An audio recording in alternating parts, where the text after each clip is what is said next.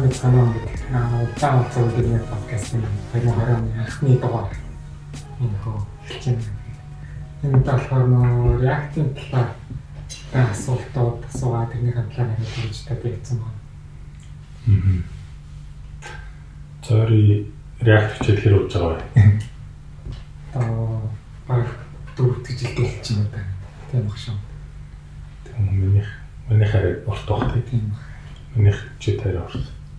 Дараа арай нэг хитэн сараар ч юм уу сколын хэлэх юм гэхдээ нэг тийм амар зүтэй ялгаахгүй. React сурахад ерөнхийдөө бас дээрээс нь сая бид нар чинь нэг намар карантинаас өмнө React-ийн сургалтууд байгууллагаар захиалгаар хийе тий. Тийм нэгэн том өрөө холбооны операторууд банкн дээр гээд бас дээрээс нь програм хангамжийн компаниуд тэгээд ерөнхийдөө React-ийг бол их олон том байгууллагууд сонирхоо судлаад зарим бүр нэвтрүүлээд юмнууд хийгээд яваад байна тийм. Тэгээд тэмэг ерөнхийдөө React сурахад сурахад түгээмэл гарч исэн асуултууд хэцүү юмнууд нь юу байна чамд?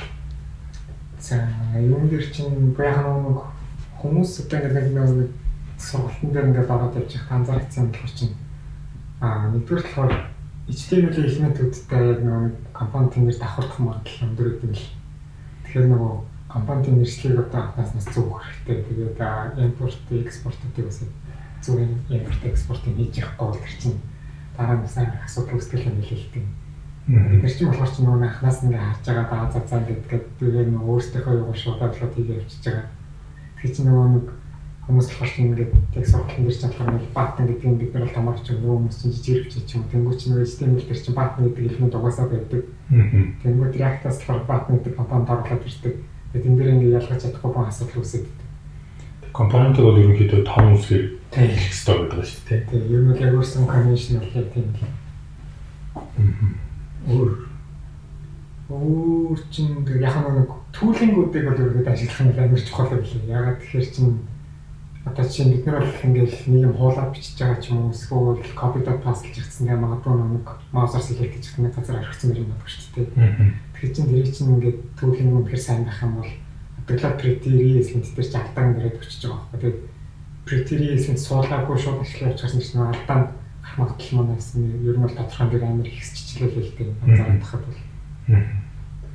Тэгээ нөө сургалтын хөтөлбөр бэлтэж байхдаа яг бидний нэг юу гэдгийг хамгийн анхаарал нэлээд ач холбогдол өгсөн хэсэг нь болохоор JavaScript-ийн үн сонгоод байгаа шүү дээ. Тэгээд нөгөө нэг дээр би бас нэг ямар ч үлээ хэд хэдэн подкаст сонсч ирсэн. Тэгээд тэрэн дээр Cancy Dots бас зарим хүмүүс яриад байгаа нь бол ерөөсөө тийм байна. Angular ч юм уу эсвэл өөр өөр юмуд ингээд ашиглаад ч юм өөр фреймворкууд ашиглаж шүү дээ. Жишээлбэл жишээ нь Angular-ийн жишээ нь тухайд авч ирсэн. Би бас Angular-ийг нэлийн юм нойл мөл авах хэмжээгээр ашиглаж үзэж байгаа тэгээд чадаагүй чадаагүй шүү дээ хайцсан. Тэгээд тэгэхээр чинь Angular дээр чи яг үгээр чи Angular хийхин тулд нэгдүгээр чи JavaScript тодорхой хэмжээнд мэддэг байх хэрэгтэй. Хоёрдугаар Angular аягүй сайн мэддэг байх хэрэгтэй. Тэр чинь нэг NGU юу гэж амар олон юм тааштай. Амар олон таагтай. Тэр өнгөд яг үгээр React дээр болохоор тийм байхгүй шүү дээ. Чи энэ чинь зөвхөн ингээл яг л JavaScript-ийн loop чинь JavaScript-ийн map чинь reduce чинь JavaScript-ийн зөвхөн функцүүд бичиж дээ. Энд чинь юу гэдэг юм ngif, ngls мэс гэдэг юусоо байх байхгүй. Тэнгүүд яг хөглөөр ерөнхийд нь React-ийн group дээр байж байгаа ч гэсэн ерөнхийд нь асуултуудыг хараад тахлаар. Скол веб хөгжүүлэгчдийн group дээр байгаа түгээмэл асууж байгаа асуултуудыг харахаар ерөөсөө нэг React сурах гэдэг. Гэхдээ JavaScript-ийг мэдэх улсууд байгаа байхгүй тийм одоо нэг дотор нь яг if хаалтаа if нэгээл тэнгууд уулзаалт хичээл тэгснэ уулзаалтаа гэлсээ хичээл яг тийм бичлэг хийх. Дээрээс нь тийм дээр нөгөө тийм нөгөө нөгөө нэг талаас нь болохоор ч яг л юу тийм reacting group дээр гэсэн ерөнхийдөө харагдчихсан юм ч болохоор тийм байна шүү дээ. Хүүхдээс нь эцгүүгээ яаж мэдээлэл дамжуулах вэ гэдэг таахгүй. Тийм асуудал байгаа шүү дээ. Компонент руу нэг яаж юм аа тэгээд хинчнийг товч дарахлаар дээшээ юм хийх хэрэгтэй гэтэнгүүтгүй яагаад би тийм JavaScript мэддэг хүнд болохоор чинь чинь бол тийм амар хүнд асуулт биш байхгүй яагаад тэгэхээр функц бол юу тийм JavaScript дээр функц бол зүгээр л чигийн утгатай тоотой stringтэй адилхан тийм доош нь хийж дамжуулж болно доош нь дамжуулснаа дараа дуудаж болно тийм гэх мэтлэнгээр Тэнгүүд чинь тэрийг ингээд мэдгүй ч юм уу тиймэрхүү байдлаас болоод шинтэй нэг нэг юм ята. Тэгээ дээрээс нэг нэг нэг өмнөх подкаст дээр гарчижсэн JavaScript бол нэг C төрлийн хэл Java-тай адилхан адилхан гэж ярьдаг юм. Хотлоо санагддаг. Яагаад тэгэхээр чинь C дээр ч одоо жишээ функц чинь өөрөө функц шүү дээ тийм. Тэгээ тэгж ингээд дамжуулж болохгүй яаж болохгүй тэр чинь зааг чинь заагц чи юу тийм боломж гол дамжуулаад гэдэг тийм амар хэцүү JavaScript дээр чи бүр юм амархан баггүй. Тэгэхээр JavaScript-ээр React аюул сайн бичих гэж байгаа бол JavaScript аюул сайн сурах хэрэгтэй шиг надад зүгээр санагдав. Тэгээ JavaScript аюул сайн мэдчих хат яг бол хангалттай мэдчих. Айгуу ер нь бол учрыг болчихно. Тэгээ компонент чи өсөж JavaScript бас. Тэгээ зүгээр л функц шүү. Тэгээ тэгээд цаа чин class based функц ашиглах болоод class based компонент ашиглах болоод чинь бүр ойлгомжтой болж.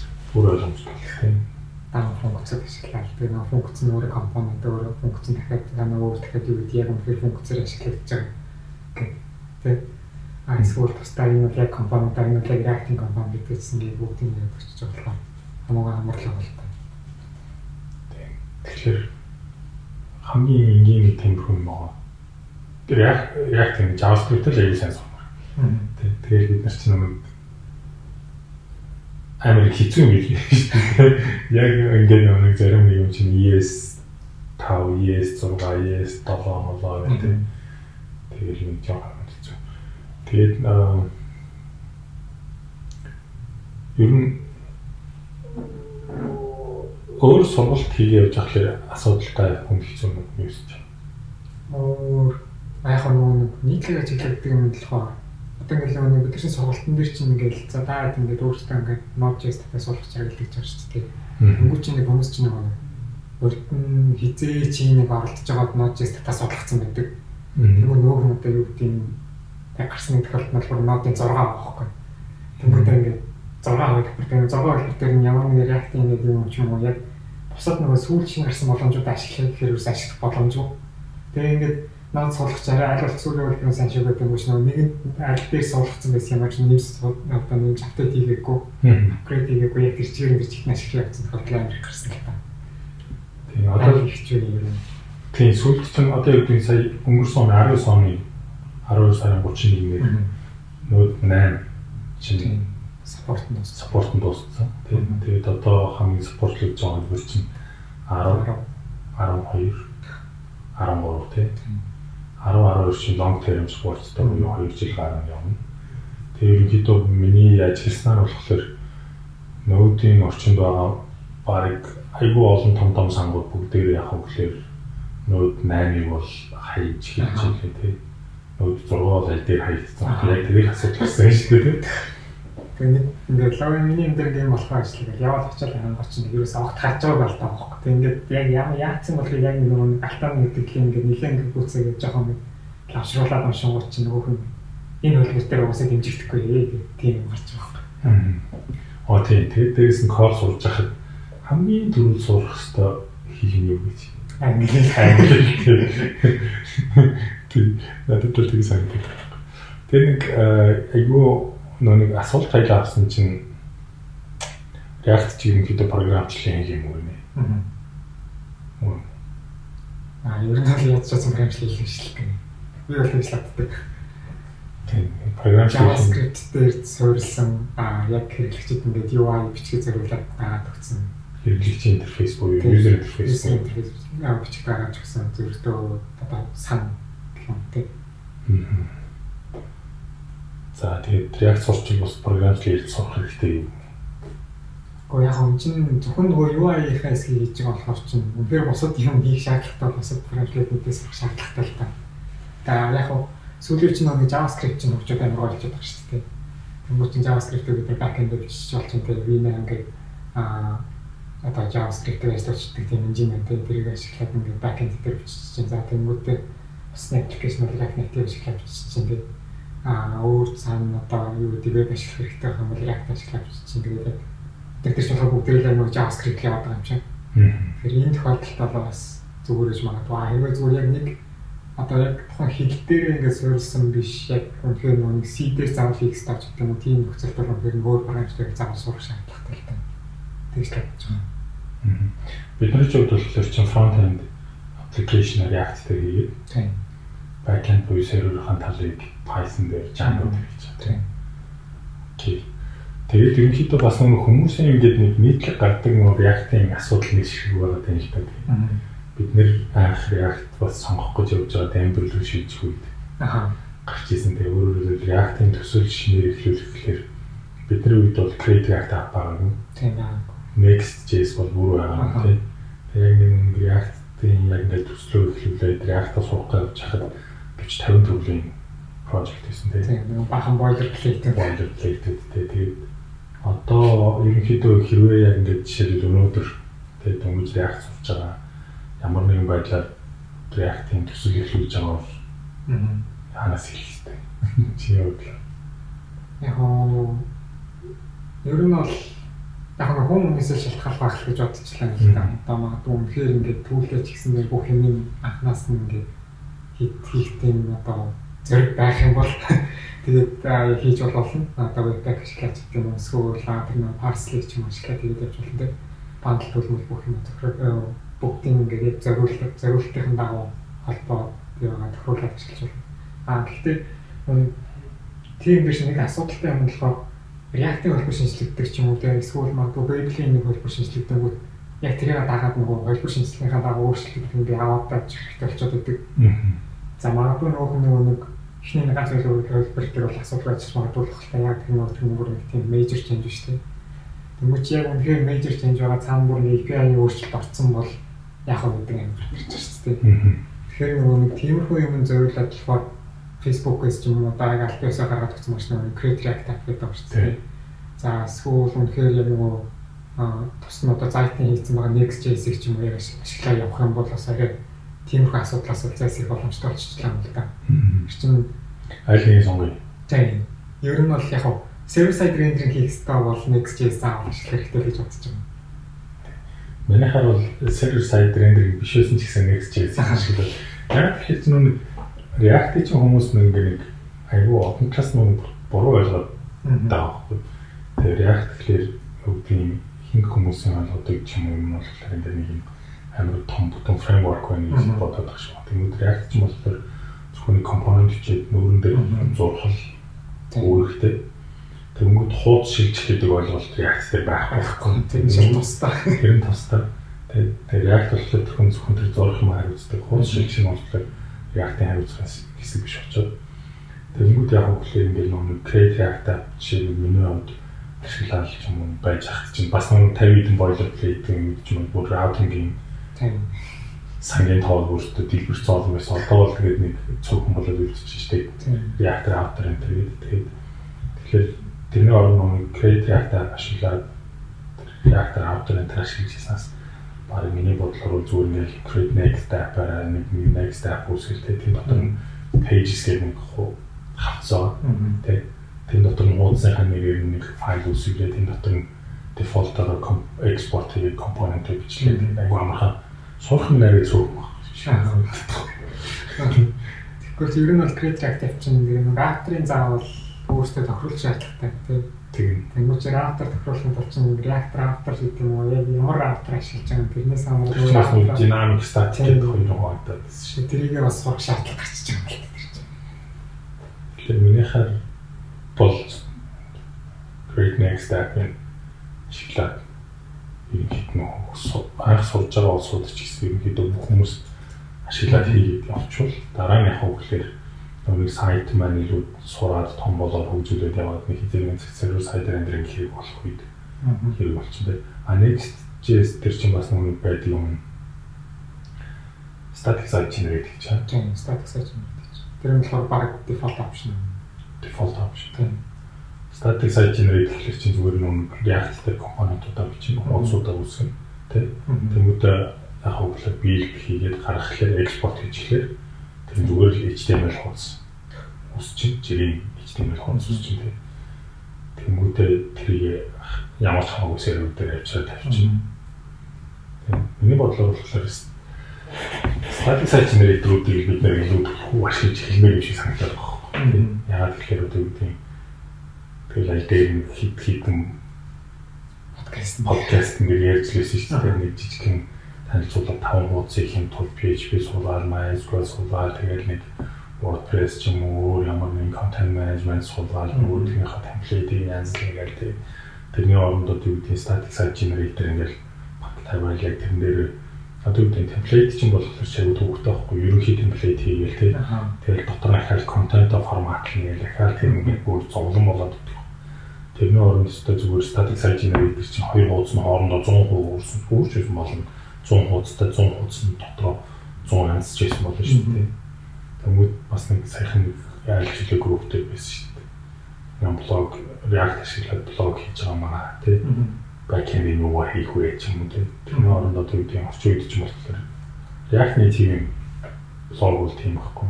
Миний мэдхийн яг static generator-тэй тий. Тэр чинь ингээд хийж markdown-аар блог постоо бичээд 50 гот нөгөөх нь зүгээрээс HTML болгоод гаргаад тавьчихдаг тий. Тэгээд тэрийг ингээд цаана ямар ч бааз байхгүй юу ч байхгүй тий. Илүү хурдан санаа зовхон аюу багтаа. Бас Gatsby яа. Тийм. Одоо манай Jamstack-ийн чинь төлөөлөл нь хэлж байгаа шүү дээ чинь. Тийм Jamstack гэж яг юу байгаа тийм ээ. Jamstack болохоор чинь яг нэг JavaScript API Markdown гэсэн гурав өгөхгүй. Тэгээд араас нь зөвхөн text stack-ийн stack. Тэгээд нөө тэрний яаж байгаа тэр JavaScript дээр одоо static site generate хийгээд тэгээд static site generate хийхдээ доторх контент нь болохоор API-аар доор нэмэрс авчиж байгаа байхгүй. Баазаас чинь баазаас ч юм нэмэр API дээрс. Тэнгүүтээ аа доторх контент бичлэх нь болохоор юусан markdown бичиж чам.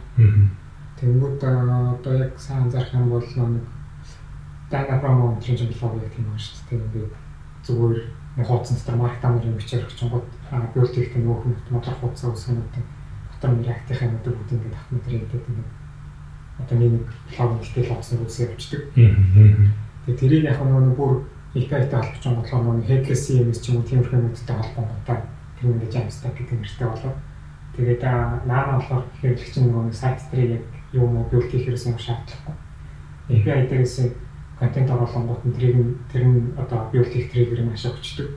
Тэр нь болохоор CI дээр ч юм уу эсвэл аа ямар нэг зүйлээр гоо сайтын технологи гэдэг авчдаг шигээр. Тэрс тийм л шин шин HTML үсгэж тийм үсгэж тавьчихсан. Одоо next тэр Gatsby дээр ч гэсэн тийм байна. E-commerce-ийн сайт майт хийсэн юм байна. Хэдэн 100 мянган бүтээгдэхүүн гэдэг нөгөөдг нь болохоор бүтээгдэхүүнийг өөрчлөлт маа хадгалангууд HTML хуудасны газар үсгэж багтгаар тавьчихдаг тийм тэр ингээл ордог. Тэр үед нь орох болгоно баазаас уншин уншин сэв ячаад үүснэ үүснэ ямар ч ойлголт байхгүй тийм. Энэ бол Минийхээ бол ер нь бол site generator-ыг бол бид нар чинь. Бүгд ашигламаар биш байгаа Тийм. Одоо энэ нөхцөл чинь тэр чинь бааз мааз руу холболт хийхгүй цаана яг нөгөө backend code гэж байхгүй болчихсон чинь аппликат нөгөө нэг янз бүрийн халтлагаас эхлэх стайл байгаа юм болчихсон. Зөв даун HTML бол онцлог чинь. Окей. За тэгээд нэг React сурж байгаа улсуудын нэг дандаа асуудаг нэг ганцхан асуулт байна шүү дээ. Тэр Redux гэх. Тэгээд одоо тэгэл Redux Redux-ын дээр юм уу, SQL, Flux гэх юм уу. Өөр одоо юу юм гэх. Тэгээд Redux дээр яаж юм хийх вэ, яах вэ, хийх вэ гэсэн асуулт бол айгүй олон байна л та. Тэгээд Redux-ын тухай яах вэ? Redux хэрэгтэй юм хамгийн яг одоо бас яг нэг React-ийн 15 оны үед бол ер нь хэрэгтэй байсан гэж боддог шүү дээ. Яг тэгэхээр тэр чинь нэг тухайн үед чинь application wide ерөөсөө нэг тийм state manage-ийг шаардлагатай байгаа гэсэн. Ер нь бол тэр тэр боломж байхгүй. Тэр боломж байхгүй. Тэгээд Dana Promo гэдэг юм шүү дээ. Redux-ыг гаргаж ирээд ингээд ерөөсөө React ашиглаж байгаа юм бол буруу байсан байна. Бид нэр ингээд state manage хийхдээ image manage хийх хэрэгтэй гэдэг. Цоо шин одоо сэтгэлгээ гэх юм уу тийм гаргаж ирээд тэгээд тэрийг нь амар олон хүмүүс аа ер нь бол ингэж хэлэх зөв юм байна гэдэг тэр санал нийлээд Facebook хүртэл ингээд амар олон юм дээр өөрчлөлтөө болоод манай нэг чинь ажил татсан байна шүү дээ. Тэгээд одоо хуучин зүг байсан байна. Одоо За яг нөгөө редакс ашиглаж үзэхээр чинь анхнд бол гоё л таа. Тэр чинь яг ингээд ашиглаад өөр юм руу ороод ингээд application wide тэр нэг state-ийн өөр компонент дээрээс ингээд заавал proxy-ор дамжуулаад байх шаардлагагүй ингээд төссөн газараас аваад өөрчлөлтүүдээ хийгээд магадгүй нэг газар өөрчлөлт оруулаад нөгөө хүн action ингээд dispatch хийсэн бол нөгөө тал дээр нь өөрчлөлт автоматар ингээд шууд харуулдаг ч юм уу тийм. Тэгээд байсан чи их гоё байсан л та. Тэгээ явж байгаад ингээд манад нөгөө нэг тохиолдолтой гарсан чинь тийм шүү дээ. Амар их юм өөрөө такс дээр ингээд авчиж тавигдсан.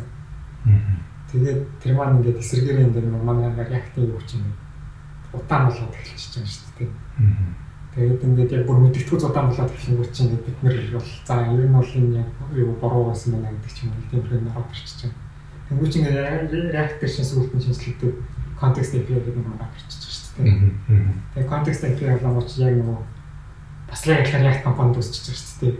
Тэгээд тэр нь ингээд би бол дотроо ийм юм хадгалаад ингээд явж байгаа хэвээр. Тэгээд намайг бол хаанч дуудаад хинээч миний дотроос юу ч хамаагүй дуудаад миний дотроос ямар ч функц дуудсан, хувьсагч дуудсан тэгээд стейт дэх хадгалцаа утгууд их дуудсан болно гэдэг нэг тийм одоо логиктой ч юм тийм явчих байна. Тэнгүүд нөгөө редакс дээр чинь бид нар чинь харамгийн авчид авалж ирснээр энэ нэрээ салгаад ингээд зөвхөн эрэгтэй газар дуудаад ажиллах боломжтой болоод эхлэнгүүд аа яг энэ нэрийн зөв юм биш үү гэдэг тийм хараад хэлсэн л тийм.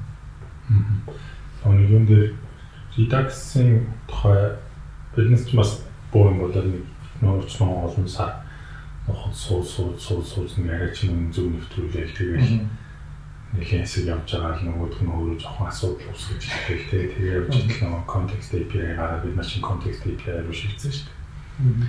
Тэгээ нөгөө Redux дээр гардаг нийтлэг алдаана гэдгээр ер нь нэг Cancy Dots манай тэр бас нэг их багш байна шүү дээ яг тийм. Тийм миний яриад байгаа болохоор яг Redux дээр бол нэг тийм бас нэг тийм буруу юм бол ерөөсөө байхгүй байна. Тийм.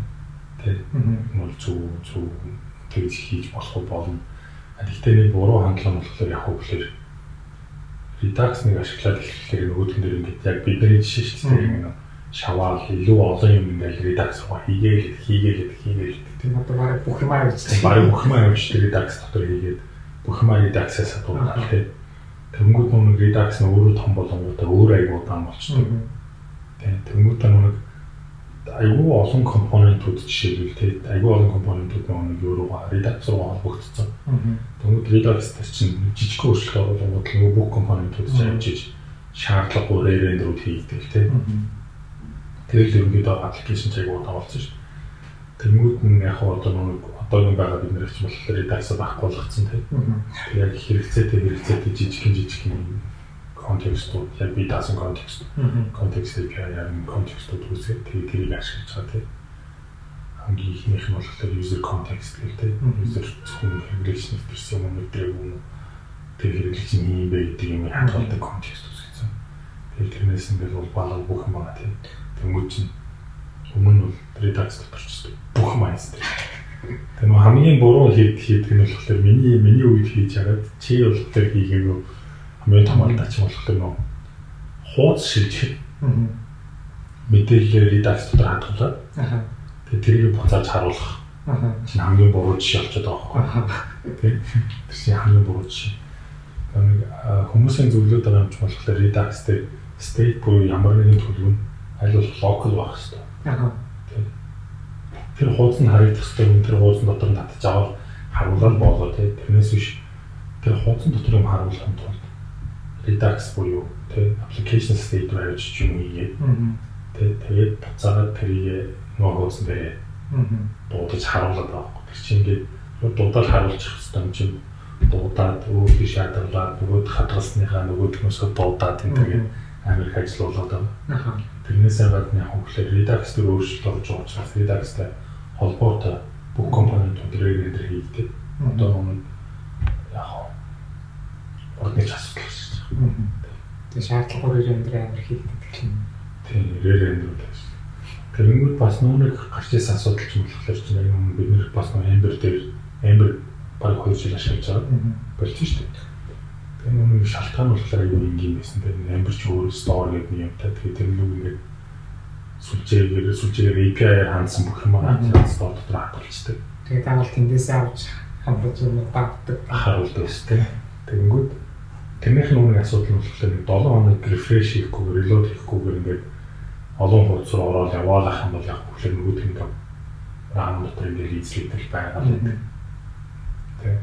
Тэрнтэй адилхан одоо жишээлбэл юм бид нар тэр миний яг нэг хууч үед хийж хатгасан асуудал зүйлхлээ тийм байхгүй. Нэг хуудас руу орохлоор нөгөөдгөө редакс руу хийгээд тэгээд тэнцэнээс уншчихлаа. Яг үгээр хуудас болгонд зөвлөж редакс дээр нэг жижиг юм тийм өөрчлөлтүүд хийх. Тэр редакс дээр хад олон тань чинь тэр хуудас руу нэг орчоод буцаж хизэж орохгүй ч магадгүй байхгүй. Тэр хизэж орохгүй ч магадгүй. Тэнгүүд тэрийг явж редакс дотор хийж байгаа. Тэнгүүд нөгөөд ингээд нэг рам дүүрээд идэг те. Ингээд жоох ингээд дүүрээд ачаал өгöd эхэлж шүү дээ. Тэнгүүд нь дараагийн асуудал гарч байгаа. Аа. Редакс дотор байгаа юм аа хэрэглэхгүй юм аа яаж устгах шийх үү гэдэг дараагийн асуудал. Тэнгүүд тэрийг ингээд шийдэхин тулд дахиад юу хийж яах вэ нэг юм тухайд нэг махаараа хийж байгаа. Тэгээ 30 минут тутам нэг юм event dispatch хийгээд руу хийгээд тий Тэнгүүд нөгөөх нь ингээд авангууд нь Redux дээр ингээд бүх ингээд state-үүд нь reducer-үүд нь тийм reducer-үүд нь тэрийг авангуудаа одоо минийх дээрээс хугацаа авсан байгаа юмуд юу вэ гэдэг нь шалгаад устгадаг тийм юм гэж аахгүй. Тэ. Тэгээ тэрний юм ойроор ажиллахлаар өөрөө нэг амар их ачаал үүсгээд байгаа байхгүй. Тэр өмнө нөгөөх ингээд зайтай болгочих. Жохон зайтай болгох. 30 минут нэг удаа ажиллаж Тэгэл 30 минут нэг ажиллал тэр чинь ингээд амар төвөгт болчихж байгаа хгүй. Тэнгүүд нь бид нар чинь яг хуу тэр нэг нэг зовлонгоос чинь ингээд би явж явж байгаа заа зөв өлөөлөй хуудсан дотор нь хуудсны хаймыг дуудаал харуулж тэгэл мартчих тий. Эргээл ороод ирэхлээр дахиад дуудаал харуулж чинь гэдэг юм чинь болохоор чинь чи яриас үл дарж ирсэн. Тэр зовлонг үзээгүй юм л та. Тэгээд э, Redux дээр чинь Redux хийгээд явж байхлаар яг саяны асуудал шиг хүмүүс гараад байгаа байхгүй. Redux application wide cache болгох шиг л байгаа тийм. API дээрээс дууд юм дуудаж авчаад Redux руу хийгээд тийм. Тэр Redux-аас одоо үг ахаад нөгөө нөгөө хөц рүү орохлоор Redux дотор нөгөө шалгаад байвал тэрийг үзүүлээ байхгүй бол сүлжээс удах гэж. Тийм use case-үүд айгүй олон байгаа байхгүй. Тэгэхээр минийхээ болохоор тэгж амар юм хийхэр байна уу гэдэггүй би бол тэнд одоо нэгэн удаа ингэ нөр яах юм гэж шүү дээ. Тэгээд тэнд бол юу ч итгэхгүй болчихсон. Ягаад тэгэхээр юу гэдэг подкаст сонсох тусам ч юм уу яаж софтвер хийх ёстой байдаг гэж бичсэн нөгөө гэдэг. Подкастууд, номууд, нийтлүүд унших тусам айлуулах баг код бичээд их юм бол алдаа багтай гэдэг юм аа. Их код бичсэн их илүү их алдаа таа шүү дээ. Одоо юу гэдэг нэг руу cache хийж чинь cache дараа нь яаж юм validate хийх юм те. Асуудал шийдэх гэж улам асуудал нэмээд асуудал чинь нэмэгдээд байгаа байхгүй. Тэрний хооронд яг хөглөд за окей хоёр удаа API дуудаал үз те. Гурав удаа дуудаал үз те. Яг тэгэхээр тэгвэл веб хийж хахад чи ихэнх хүмүүс чи яг нэг хуудас орчвол баг дахиж нөгөө хуудас руу орохгүй ч магадгүй шүү дээ. Тэгээ чин тэр чинь ингээл аваад кэш ямар хэрэгцээтэй мэдэхгүй. Тэрний хооронд зүгээр л юу гэдэг юм. Хоёр удаа товч байна. Тэгээ сервер дээр нэг кэш хийчихгүй тий. Тэгээ нэг юм артист юм бол ингээд энэ бол кэшлчлаа гэдэг кэшлчлаа тэгээ бааз руу уншихгүй болчлоо. Эсвэл бааз дээр жоохон клининг хийчлээ. Тэгээ хурдан уншдаг болчлоо тий тэгэл асуудал шийдэж байгаа шүү. Тэгэхгүй болохоор чи ингээд бас нөгөө нэг миний нөх хувийн бодолч юм өөр юм болохоор аль болох сервер дээр юм аа хийх гэдэг. Яа тэгэхээр сервер дээр нэг жижиг юм ингээд API-аас хийж байгаа чинь сон хүсэлтийг нэг чуд хурдан болгодог, боддог болгоод хариу өгдөг болгоод тавьчихад ирчин мянган дээр 2000 хүн дээр аппликейшн хэрэглэж байгаа бүхэнд нөлөөлчих жоохоо. Тэг Тэгэхгүйгээр ингээд сервер дээр хийгээд эсвэл зарим нэг ингээд нөгөө юм чинь ингээд сервер дээр хийчих юм чинь аюу амархан тий. Тэгэхгүй болохоор ингээд client side дээр шийдэх гэл ингээд ингээд тийм чинь одоо юу гэдэг дата фильтр чинь нүүр хуудсан дээр нэг хэдийн гаргууллаа тэн дээр нь ингээд нэг юм сонгохлоо тал наал болдог нөгөө юм сонгохлоор тал наал болдог ч юм уу тий. Тэрийг бол би бол зүгээр ингээд нүүр хуудсан дээр нь state-ийг хийгээл тий Тэгэл фильтрийн нүүр хоцтой тавил юм солигдох дээр сервер үүсэлт явуулаад шийдвэр авах. Яг тэгэхээр нэгдүгээр та хөвлөр чи тэр хүний үзэхгүй ч гэж магадгүй мэдээллүүдийг ингэ өгчөж байгаа. Тэ. Яг тэгэхээр яг энэ дараа фильтр гэж магадгүй гэж боддог. Тэ. Тэгээ нөгөө хэн локал яг клиент дээр өөрөө фильтрлээ. Тийм тэгээ дахиад фильтрлэн. Тэгэхээр ингээд энэ чинь аюул хэцүү. Тэгэнгүүт ингээд юу гэдэг юм яг тэр фильтр хийж байгаа логикийг чи нэг удаа сервер аягүй сайн хичүүл.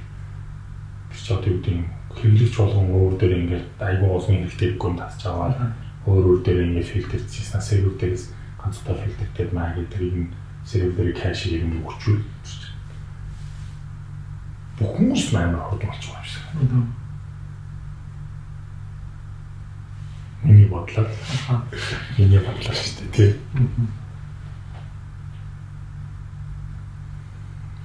За тэгээд REST API-тэй яаж харьцах вэ гэдэг шүү дээ. Фестивал тэгэл мэдээж HTTP хүсэлтэй явуулаад харьцсан л та. Тэгээ хоног нэг одоо HTTP хүсэл явуулах чинь бас нэг хэд хэдэн асуудалтай байгаа шүү дээ. Яг ямар клиент ашиглах юм. Би ингээд зүгээр яг браузерын фич ашиглаад явуулах юм аа. Эсвэл тусдаа яг HTTP хүсэлтэн зориулсан одоо нэг сан шууд авчиж суулгаад тэрийг ашиглах юм гэдэг. Тэнгүү чинь нийтлэг ашигладаг одоо нэг access center-ээс анзаад авчихсан.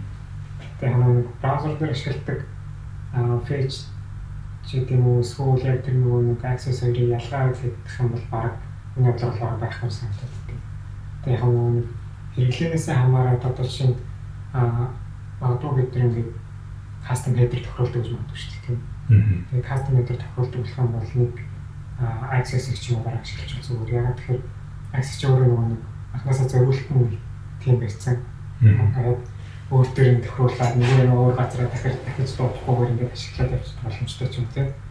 Тэгмээ чи браузер фич чинь болох чинь нөгөө асуудалтай нэг нь тэгж тохируулаад тавиг ингээд жоох асуудалтай болчиход байгаа.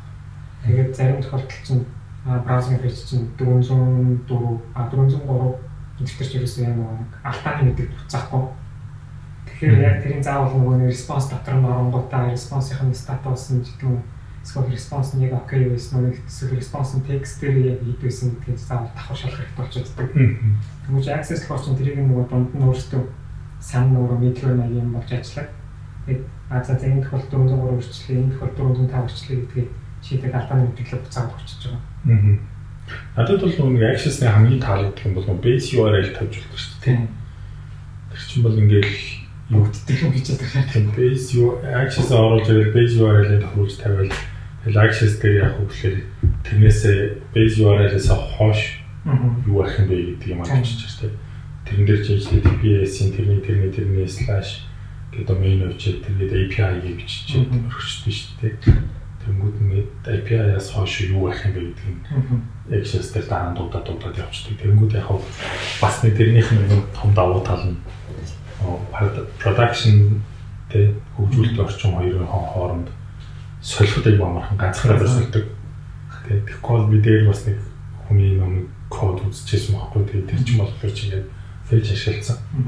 Тэгээ фэж ашиглангууд чинь хамгийн гол нэг юм нь болохоор ингээд яа гэх домен ингээд нэг тийм ингээд ингээд ингээд ингээд хуулаад тавьчихсан байхгүй. Тэгээ нэг газар алдтал ганц тийм ганц газар алдвал бүр бүүн асуудалтай. Тэмүүтэ дээрээс нь яг тэр чинь ингээд domain гэл одоо юу гэдэг нь 100 тэмдэгт гэх API URL 100 тэмдэгтэй л ихэд сүүлийн 10хан зүгөөтэй тийм. 90 тэмдэгт ингээл бүр хаасаа ингээл хэвчээ амар олон газар татдаг гэж байна. Гэвийг тавьсан байна. Хоёрдугаар асуудал нь болохоор яг чиний түрүүний хэлдэг шиг тийм. Access чинь request interceptor, response interceptor гэх хоёр юмтай. Интер яг хүсэлтэй ухаас өмнө нэмэлт header тавьж өгч байна. Тэнгүүд нөгөө нэг хүний код нь дотор болохоор fetch тийм фэч болгон дээр ахаад хейдер тавьдаг код дууссан дээр нь дахиж тавьсан. Ашигтай байхгүй гэдэг чинь. Тэгэл тэ access дээр чинь ганцхан газар хүсэлт явуулах болгонд хэрвээ ийм домен авах юм бол ийм хейдер нэмээр гэх интерсептор бичил хүчин тэ. Тэгээ access чинь бас нэг ашигладаг юм ч болохоор нэг токен шинжилгээ шинжүүлдэг.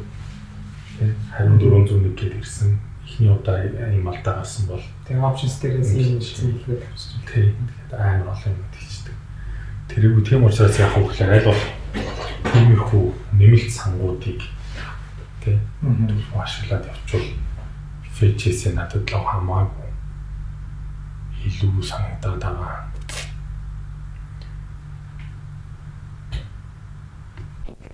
Бид хоёр түрүүн өмнөөс хойш подкастын нэлээд их хэсгийг бичсэн тий 20 минут бичсэн. Тэгээд нэг харсан чинь Нөгөө нэмэлт микрофоно зодох хамаатаад компьютерийн микрофоноор баахан бичсэн. Одоо тэрийгээ дахиж бичихээс залхуу илүүтэй. Тэрийгээ залгаад оруулчихж байгаа шүү. Тэгээд чанарын асуудал гаргасан бол уучлаарай гэдэг. Дараагийн нь болохоор нүг Redux-ийн тухай нүг яриад хэрвээ Redux ашиглаж байгаад болчиход штэ бид нар. Тэгэхээр яг гэхээр хэрвээ юу ашиглаж байгаа бол hook ашиглаж байгаа бол use reducer гэдээ байж байгаа шүү дээ. Тийм. Яг яг redux тийм. Яг redux. Гэхдээ тэрийг бид нэр application wide бишээр тийм. SQL use reducer-ыг бид нэр өөрсдөө жижигхэн component component дотор ашигласан ч болно. SQL тэрийг авч context API-тэй холбоод яг redux маягаар ашигласан болно тийм. Гэтэ ингээд яг юм жижигхэн жижиг юмнууд байхгүй болохоор чинь жоохон түүхтэй юм шиг санагдаад байна. Тэгээд одоо юу гэдэг Redux ашиглаж байгаа тохиолдолд нөө нэг айгүй хэцүү юм чинь нөө нэг middleware. Аха. Тэр нөгөө Redux tank saga энтрин чи хийгээд байгаа юм шүү дээ. Хэрэг байлцсан. Амархан байсан юм нэрээ. Гү. Гэхдээ нөгөө нэг яг яг э, бодит одоо яг прожектор нөгөө нэг Redux tank saga энтриг үлрээс ашиглаж үзээгүй л дээ. Зүгээр өөртөө зүгээр нөгөө нэг акшн дээр нь бид нар нэмэлтээр ингээд fetch match хийгээд нэмэлт нөгөө орж ирсэн датагаа трансформ хийгээд тэгээ цаашаа диспатчерлогоо өгөөд ингээд явдаг нэг юмрхөнд байжсэн. Тэгээд зүгээр яг нөгөө нэг юу энтриг бол хальтал харсан л та. Сага танк энтриг болохоор. Тэгээд нар чинь болохоор чинь яг зорилго нь бол өөр яг яг адилхан ингээд редактор утсан мэдлэр. Тэнгүүтээ ингээд орж ирсэн дата матан дээрээс хамаарат ингээд ийм хин ийм хин гэх бүх нэг тохиолдол цаанаас нь бүгдийг ингээд бичээд өгцөн. Тэгээд яг одоо яг яаж ашигладагасаа л хамаарч байгаа юм л те тэр чинь одоо чи нөгөө нэг сага нь болонгууд чинь а ES руудаар орж ирсэн тэр нөгөө нэг генератор гэдэг шүү дээ тэрийг ашигладаг. А тэнгуү чинь нөгөөх нь болохоор илүү нөгөө нэг promise based байгаа байхгүй а танк нь болохоор чинь. Тэгээд тэг мэдээж хоёулаа нөгөө асинхроноос мэдлэлт ингээд хийчихэж байгаа тий тэгэл яг бүр ингээд код чинь ингээд хэцүү болоод байх юм бол ер нь бол нь илүү ашиглахыг зөвлөдөг юм билээ л дээ. Тэнгүүч ингээд одоо ингээд контекст орж ирээд тэгээ за контекст дээр бид нар нэмэнгүүтээ сая гарч ирсэн тэр нөгөө нэг user reducer те тэрийг энэ төр ашиглаад явчихсан гоч чинь тэр нөгөө мэдлүүрийн чир ингээд бүр ямар ч хэрэггүй болоод явчихж байгаа шүү дээ. Аа явчихж байгаа байхгүй юу? Тэгээ зүгээр л async function-аар бичиж. Тийм, ерөөсөө async function-аар бичиж явчихж байгаа. Тэгэхээр нөгөө нэг тэр цаана ингээд нэмэлт сандуудад амар их ажил хийх гээдээснийг л ерөөсөө ингээд наан нарай жижиглээд хитгэн хэсэг болгоод тавьчих юм бол А нэгдүгürt бид нэр хийх ажил нь арайч бага. А хоёрдугаарт болохоор нөгөө Redux гэдэг нэг амар том юм менеж хийжсэн. Тэгтэл нэмэнгүүтээ тэн дээр нь танк сагагаа дахиад мэдлүүрээ дахиад нэмээд менеж хийх болчихж байгаа шүү дээ. Тэгэхээр нэг тиймэрхүү ажлуудыг нь найдварлах багасгачих юм бол багасгаад тэгээд найдварлах context API ашиглаад тий. А за context API ашиглах шаардлага юу үнэхээр context API ашиглахгүй заавал Redux ашиглана гэх юм бол Redux дээрх юм одоо найдварлах цөөлүүд тий.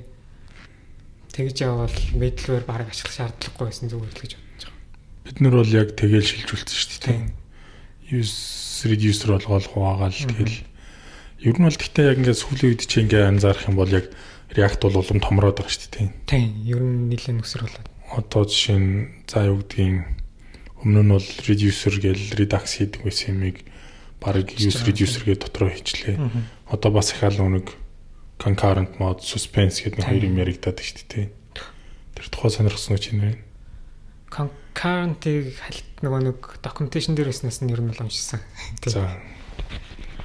Тэр нөгөө нэг яг уу асуудалтай юмнууд нь одоо нөгөө нэг single page application хийцэн тэгээд за ер нь single page application ер нь яг веб дээр ч нэг толгорч байгаа нэг асуудалтай юм болохоор хэрэглэгч код дуудаад тэгээд хуудас дуудаад тэнгуут яг тэр нөгөө rendering процесс эхэлчихээр бид нэр ерөөсө дундаас нь нөгөө нэг тэр rendering процесс нь саад болох ерөөсө боломжгүй л байсан юм байна л та. Аа.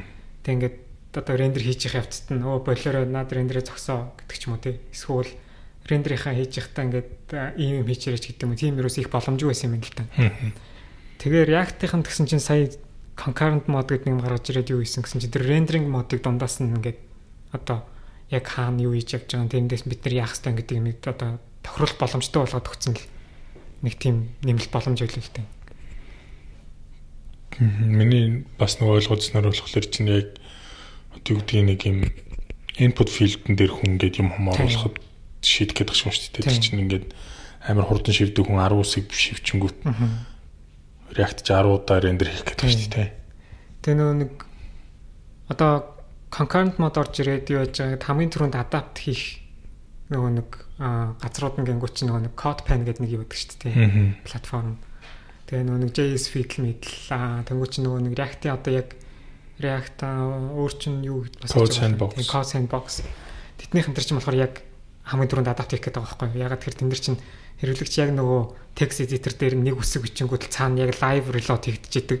Тэгэхээр чинь хүн магадгүй 2 3 ч юм уу үсэг бичээл кодон дээр нэмэлтээр нэг шин таг бичээл оруулж байгаа чинь нөгөө reload-ийн одоо рендер хийх процессыг чинь болохоор тийм concurrent mode ачаар нөгөө саад дунд нь саад игээд аа энийг авахгүй юм биш үү?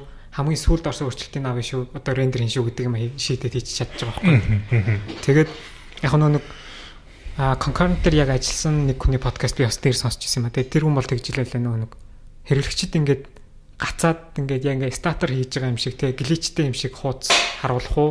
Эсвэл оронд нь лоодингийнхаа айкныг 2 секунд илүү харуулах уу гэдэг дээр ингээд бид нэр танд одоо тэр шийдвэрийг бол ерөөсөө танд үлдээж байна гэдэг ч юм л да. Тэг яг concurrent mode-ыг ашиглах уугүй юу гэдэг дээр болонгод тэр нөгөө нэг одоо зөөрлж хэлж байгаа юм болохоор тэгж хэлж байгаа байхгүй. Ерөөсөө ингэж анивчцын одоо window хуудас харуулах уу тэрний оронд loading icon 2 секунд илүү харуулчих юм уу тий. Тэгээ нэг suspense асуугаа тий. Хоёлаа ерөнхийдөө айгу удаанд уншиж байгаа. Тийм, ер нь орж ирнэ гэл яваалга яваалга. Тийм, тэгээд аль дээрээс хойш орчихно гэд хүүхч нь бас орж ирнэ гэж байгаад нэг хөлбраар нэлийн сүлд орж ирсэн. Тэгээд suspense ч юм болохоор чинь яг ер нь яг зүгээр нэг React-ийн хөгжүүлэгч нэг Dana Bravo-ийн тэр юмнуудын уншихлаар React бол хамгийн эхлээд юу гэдэг user interface зурх зорилгоор эхэлсэн те. Тэгэл бид нар бол юунд ч оролцохгүй гэл яваад идэг те. Тэгэл мэдээж яг хөглөөр application ч юм уу эсвэл component ч өөр ингэсэн stateтэй ч юм уу өөр ингэсэн төлөвтэй байж идэг те. Тэр төлөв нь өөрөө жоох юм том болоод эхлэнгүүт нь л за тэрнийг шийдэх зорилгоор reducer reducer ч юм уу те. Эсвэл context API enter гэл ингээл хийж чинь те. Тэнгүүт нөө нэг юмаа зурхтаа жоох удаан болоод эхлэнгүүт нь чинь ингээд нэг юм хамар хүрээгээ том болох шаардлага толчж байгаа юм. Тэгэл concurrent mode-оор болохоор яг хөөхлөөр ингээд нэг хуудасаа бүтэн зурхгүйгээр илүү чухал ажил руугаа шилжчихэд тий хэрэглэгч гараас юм оруулах моруулах ч юм уу эсвэл өөр ямар нэг юм хийхлээр тэрийг нь хийчээд буцаж хурж ирж зурдаг мурдаг энэ төр гэдэг тий. Дараах нь болохоор suspense mode байгаа шүү дээ тий. Хүлээлт юм гэдэг шүү дээ тий. Хүлээлт тэр нэг API дээрээс нэг юм дуутсан чинь нөгөөх нь ирдгүү тий. Тэгээд заримдаа бид нар чинь loading тавьдаг тий. Loading нь яг хөөхлөр анивчаал алгуулдаг ч юм уу телсгүй бол дээрэс нь яг хөглөр сүүлийн нөө code splitting хийж байгаа дандаа bundle bundle splitting хийж байгаа шүү дээ. Жишээлбэл нэг хуудсыг нэг React single page application-ыг дотор нь амар олон JavaScript тулгачж байгаа. Хуудас шилжихлээр нь одоо юу гэдэг нь JavaScript нэрэ дуудагдаг байж магадгүй байгаа шүү дээ. Тэгэхээр тэрийг хүлээх, SQL data хүлээх хэмжлэнгээр ер нь бол юм нэг хүлээлттэй холбоотой юмнууд аягүй их гарт юм л user interface-ийн код бичлэгээр Тэнгүү тэрийг л нэг ерөнхий байдлаар нь л суспенс сулгаж шийдэх гээд байна л гэж би ерөнхийдөө ойлгосон. Тэгээ энэ талаар болохоор бүр дараа нэг судалж байгаа дэлгэрэнгүй concurrent модын тухай ч гэсэн яг stable болоод гараад амьдрал дээр нэг хэрэглээд үзснийхаа дараа тийм хүүк рүү шилжих хэрэгтэй юу одоо? Аа энэ бодлоор бол хэрэгтэй. За яг Ялангуяа яг шинээр React project эхлүүлж байгаа бол баг шууд hook ашиглаад бичиж авсан дэр. Тэгээ нөгөө нэг яг class based component бичиж байгаа юм бас тэгээ тэг буруудж байгаа чинь байхгүй л дээ. Зүгээр аа hook ашиглаад бичиж байгаа нэг давуу тал нь гэх юм бол бүх юм ерөөсөө function болчихж байгаа. Функц болоод аа тэгэнгүүт чинь аа орд бид нар ч болохоор кластер чинь орж ирэнгүү чинь заавал нөгөө нэг лайф сайкл гэдэг юмнаас ахуулаад ингээл нэг менеж хикстэнүүд амирх гарч ирээд гэсэн. Тэнгүү чинь хүүг болох чинь ингээд ерөөсө бүх юм ингээд нөгөө функцээр сэтгэх хэрэгтэй болчихж байгаа байхгүй?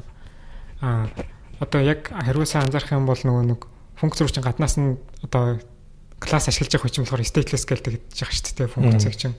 Тэнгүүч нөөтөн дотор ямар ч state авах зүгээр гаднаас оруулж ирсэн юм гаргадаг нэг юм ямар ч тийм нөгөө юм боддгоо тийм компани гэж бодчихсон. Тэгтэл чи одоо ч ингээд тэр бол нөгөө класс дээр л зөвхөн дотроо state байгаа л дотроо ингээд одоо should component update гэдэг юм уу те эсвэл тэр нөгөө get drive state гэдэг ч юм нэг орж ирсэн над руу орж ирсэн props нь ямар байхаас хамаарат би рендерээ өөрчлөнө гэдэг шийдвэрийг зөвхөн кластер хийдэг байсан боломж байна ингээ функцээр орж ирчихэж байгаа. Хукер дамжуулаад. Тийм хукер дамжуулаад. Тэгээд нэмэлт бас нэг юм болохоор чи өөртөө цаанаас нь ингээд яг үнэхээр яг энэ ажил нь ингээд хийх хэрэгтэй ажил байх юм бол би рендерээс гадна тусдаа ингээд хажуу тийш нь аваад өөр юм дээр хийчихье гэдэг тусна ингээд эффект ч юм уу callback ч юм уу ингээд тусна яг нэмэлт ингээд юунууд хукуд гаргаад өгцөн. Тэгэхээр нөгөө нэг ажлууд нь хамаагүй л хөнгөлөлтөд нөгөө функц бол яг өөрийнхөө юм хийдгээрээ хий чинь. Аа тэр хажууд нь яг тэр функцд одоо рендер хийх шаардлагатай юу өөрчлөгдөх хэвээр тэрийг нь болохоор хажууд нь дахиад нэг өөр давхар ажлын давхар юм аа хийгээд хариуцсан явчихж байгаа. Тэгэхээр тэр нь бол тийм амархан амархан уу? Үгүй. Эхэндээ бол ойлгоод байна гэж бодож байсан. Тэгээд жоох юм яг явж исэн чинь яг нөгөө нэг бодож ирснээр ажиллахгүйсэн л та. Тэгээд ялангуяа use effect тий ялангуяа use effect. Тэгээ яг яг яагаад ингэж ерөөсөө зөв ажиллахгүй байна гэдэг нэлээ уншсан л та. Тэгээд юу байсан чи аа за зэн чи яг нөгөө нэг бас бодож исэн юм анхан уншаад ойлгосон юм бол ерөөсөө биш байсан юм байна гэдэг. Тэгээд дахиж юу яаж чинь нэлээ. Тэр нөгөө сэтгэлгээний ялгаа нь болохоор би тэгж ойлгосон шүү дээ. Хүүкийг нөгөө нэг класс компоненттойгоо жишиж ойлгоод исэн. Тэгэхээр яг хөглөр хүүк нь өөрөө шал тусдаа өөр юм шал өөр юм байсан. Тэг класс компонентоос шал өөр ажиллагааны зарим юмнууд нь нэлээд өөр арай өөр сэтгэлгээний загвар хэрэгтэй болоо. Тэгтэл бид нар ч яг хөглөр нэг кластер бичсэн юмныгаа баг ингээ буцаагаад ингээ ингээ ингээ хийцэн байсан тий. За за за за тэгээд а use memo pure component гэдэг нэг юм байгаа шүү дээ. Тэр юу хэрэгтэй юм бол юу гэж бодож байна. Pure component ч юм болохоор ч нөгөө нэг энгийн компонентоос ялгаатай should should component render should component update гэдэг үл тий. Тэрийг юусоо нөгөө нэг авч хэлцэхгүйгээр шууд ажиллаждаг.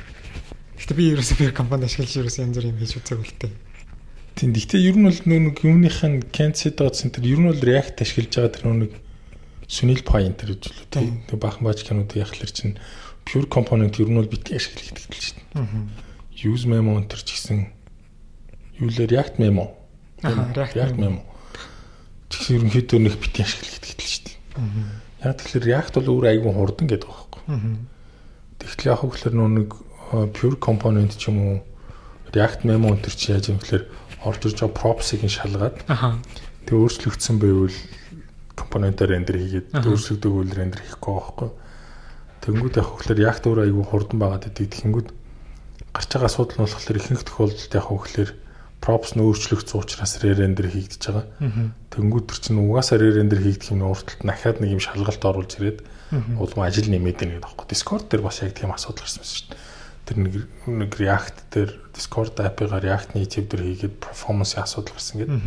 Тэгээ нөхдүүд яг хөглөр ингээд бүх газараа use memo ч юм уу эсвэл бүх газараа pure component ашиглаж бол хурдан болно гэж бодоод барыг бүх газараа ашигласан байгаа. Тэгтэл нөгөөт нь яасан хүн дээр ингээд нэг хэдхэн миллисекунд ч юм уу хэдхэн наносекунд нэмждэг тий. Угаасаа шалгаал угаасаа нөгөөт нь заа заа шинжилт рендер хийгээд рендер хийгддэг тий. Тэнгүүд угаасаа рендер хийгдэх систем дээр урталтны тийм нэг жижигхэн юмнууд яагаад тэгэл хэдэн зуун компонентууд орж ирэл. Хэдэн зуун компонентууд зэрэг рендер хийгдэхлээрээ зэрэг тэр нөөник юмнууд нь шалгалт нэхлээр нөөдг нь ингээд нэмэгцээр байгаад нэг бас хөөхөн хугацаа олцоод байна гэдэг. Тэгээд трийг аваад тэгэд яг үнэхээр одоо юу гэдэг pure component ашиглах school React memo ашиглахаар бол яг үнэхээр үнэхээр яг нөлөөлөд байна. Яг энэний ингээд ингээд хэрэгцээг үедээ re-render хийгдээд байна гэдгийг мэдээд бүр нотлоод тэрнийхээ дараа ашиглах гэдэг байхгүй. Тэрнээс биш React өөрөө тэртээ рүү амар хурдан. Аа нөө нэг React concurrent mode дээр чи нэг аялаа нэг ярьжсэн санаж байна тэр нэг нэг concurrent mode-оос өмнө хэдэн FPS зурж байна. Concurrent mode-доо хэдэн FPS боллоо. Дараа нэг Svelte. Аа. Хэд хэдэн мянган FPS дуудаад зураад байлаа. Тэр тухай ер нь ер нь хурд ер нь хэр гэхэр чухал engine. Юу гэж хортон хорт Гэхдээ яг нөгөө нэг би бол тэгж л бодох тийм шүү дээ амар харьцангуул гэж ойлгох тийм. Хордлохоор одоо чинь яг юу хийж байгаа юм те. Яг ямар ажил хийх гэж байгаа юм тэрнээсээ хамаарал хорт чинь ингээд шал харьцангуй ойлголт болчихж байгаа юм. За хэрэглэгчд би үнэхээр юм мангар хурдан рендер хийгээ харуулах хэрэгтэй юу те. А эсвэл үнэхээр тэр ингээд хурдан рендер хийгдэх нь хамаагүй зүгээр ингээд юм харуулж нь амар юм уу те. А эсвэл миний рендер заавал тэг ингээд датанаас хамаарж байгаа учраас датагаа эртлээ би рендер хийхгүй гэдэг тохиолдол байх юм уу тий. Тэгэхээр чин тэр чин ингээд одоо юу гэдэг магадгүй бид нар ингээд тротлтаж үздэг ч юм уу эсвэл үнэхээр интернет нь ингээд муу байх тохиолдол чин тэр чин ингээд хурдны одоо ялгаа нэг амар харьцангуй болчихж байгаа болохоор тэгэхээр ингээд а одоо шинэ би яхаа бид нар ингээд нэг одоо кэш ашиглаад ингээд ингэчингүүд ингээд хурдан байна гэж амар бодоол ингээд хийгээл явж байгаа чинь үнэхээр одоо ингээд бодонгоч нь харьцангуй интернетийн хурд ч юм уу ингээд дата хурд мобайл дата ч юм уу эсвэл бидний ашиглаж байгаа машин ч юм уу бүгд амар хурдан болсон байгаа шүү дээ. Тэгэхээр чи ингээд нөгөө дата авчирч ирээд нөгөөх ингээд рендер зурх гал ингээд мангар удаан машин бол ингээд яг мэдээж удахал байх л та зүгээр тэг чи ингээд бүх юм ингээд сайжирчаад байх чинь тэн дээр ингээд бид нар ингээд санаа зовх бол нэг тийм одоо бол нэг шаардлагагүй л гэж боддیں۔ Аа. Ер нь л яг үнэхээр хурдны асуудал гарахгүй бол тийм чүниг минийг хийх гээл зовх бол нэг тийм шаардлагагүй бол гэж бодоод байгаа шүү дээ тий. Яг нөгөө нэг тэр төргөөр яг ч юм уу ер нь бол браузер ч гэсэн ер нь бүгд өөртөө тийм болсон байна шүү дээ. Амар хурдан. Амар хурдан. Тэгээ цаанаас ингээд интернет нь ч айгүй хурдан болцсон тий. Тий. Уц муцсан ч гэсэн айгүй сайжирчлаа шүү дээ тий. За, server side rendering хийхлээр чинь SEO хийх хэвээр. Server side rendering дээр бол Next.js л илүү ашиглах хэвээр тий. Аа Өөртөө ер нь бол хийх гэж байгаа юм ээ. Тийм өөртөө Creator React app дээр чинь server side rendering оруулах гэж бол өстой нэлийн зовхоор юм л шүү дээ. Тэр чинь нэлээд их юм. Next 93 айгуу болцсон тий. Тий. 93 айгуу болцсон. Get static props get ёо get static path тэгээд get server side props гэд гурван тий функц async функц нэмэгдсэн. Тэгээ нөө Гэт initial props нь ерөөхдөө хаягдчихж байгаа юм дээ. Тэгээд нэг нэрээ нэг юм асуусан байсан чинь тэр нэг юуны server side rendering дээр state яах вэ гэдэг зүйлсэн. Би болохоор чинь server side rendering дээр бол нэг state state шаардлага байх юм уу? Шууд static хуудасаас ял зураал өгчөөл. Тэгээд хамгийн гол нь яах вэ гэхээр тэр чинь нэг static хуудасаа дуудаж авчирангуудаа яг одоо юу гэдэг тэр нэг state-тэй холбоотой хэсгийг дараа нь дараа нь дахиад рендер хийчих болж байгаа шүү дээ. Одоо шинэ манай манай дээр гэлдэхэд чинь static хуудас нь бүх хүмүүс шах дэрийг адилхан. Тэгсэн мөртлөө static хуудасаа татад дуусныхаа дараа хэрэглэгч нэвтэрсэн юм уу юм уу гэдэг мэдээллийг нь бүр тэрнээсээ дараа server side rendering дээр бишээр хийж байгаа шүү дээ.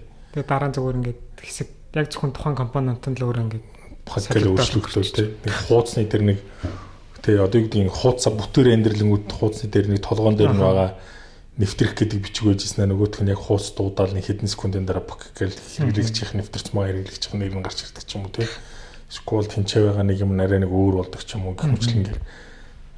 Яг л тэгж л хийж байгаа шүү дээ бид нар дээр бол server side rendering гэдэг үед бол state нэг үнэхээр тэг санаа зовх юм баг гарахгүй байхад тэр чинь зүгээр дуудаал refresh хийдэл тэр хуудас чинь бүхэлдээ өрөөд ирчихэж байгаа юм чинь тэгээд Тэрнээс хойш зүгээр хийгдэх асуудлууд дээр л state дээр юм гэхээс яг тэр server side rendering хийгдэж үед бол state дээр санаа зовх юм баг гарахгүй. Next.js дээр ч бид нэр ашиглаж байгаа. Тэгэл тэгэж нэг юм хуудас чинь сервер дээр рендер хийгдэж байгаа ч гэсэн ирснийхаа дараа ахаа JavaScript дээр бид нэр яг энэ хэсгийн сервер дээр рендерлээ нэн рендерлэхгүй гэдгийг сонгож байгаа л хүчиж байгаа шүү дээ. Тэгээд хэрэглэгч дээр ирснээр дараа тэгээд сервер сайд рендеринг заавал хэрэгтэй юм уу?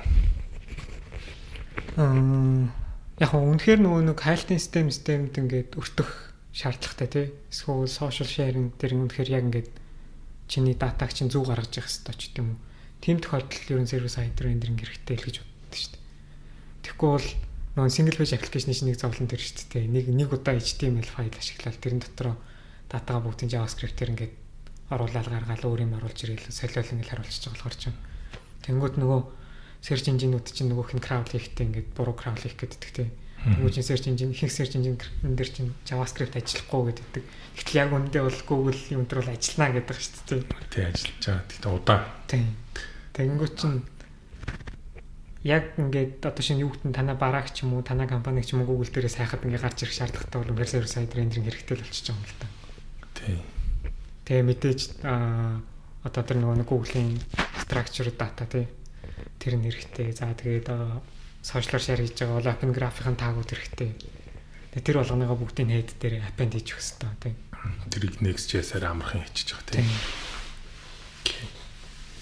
За за ерөнхийдөө бид хоёр ярьж ирж байгаа тэр нэг юу гэдгийг тогтмол хугацаатай тэгтэй айлуулах богинохон тодорхой цөөх хийдгийн сэдв барьж байгаа ярилцъя гэж яриад байгаа. Тэгээд тогтмол ажлаа ажлын зав зайнаас болоод жоохон хэцүү болсон тийм. Гэхдээ тогтмол хийх хичээн тэр нэг цөөхөн цөөхөн сэдвүүдийг ерөнхийдөө хүндөөд хүндөөд явчихын. Тэгээд оо нэрээ юу shameless plug хийж итэй аялаа.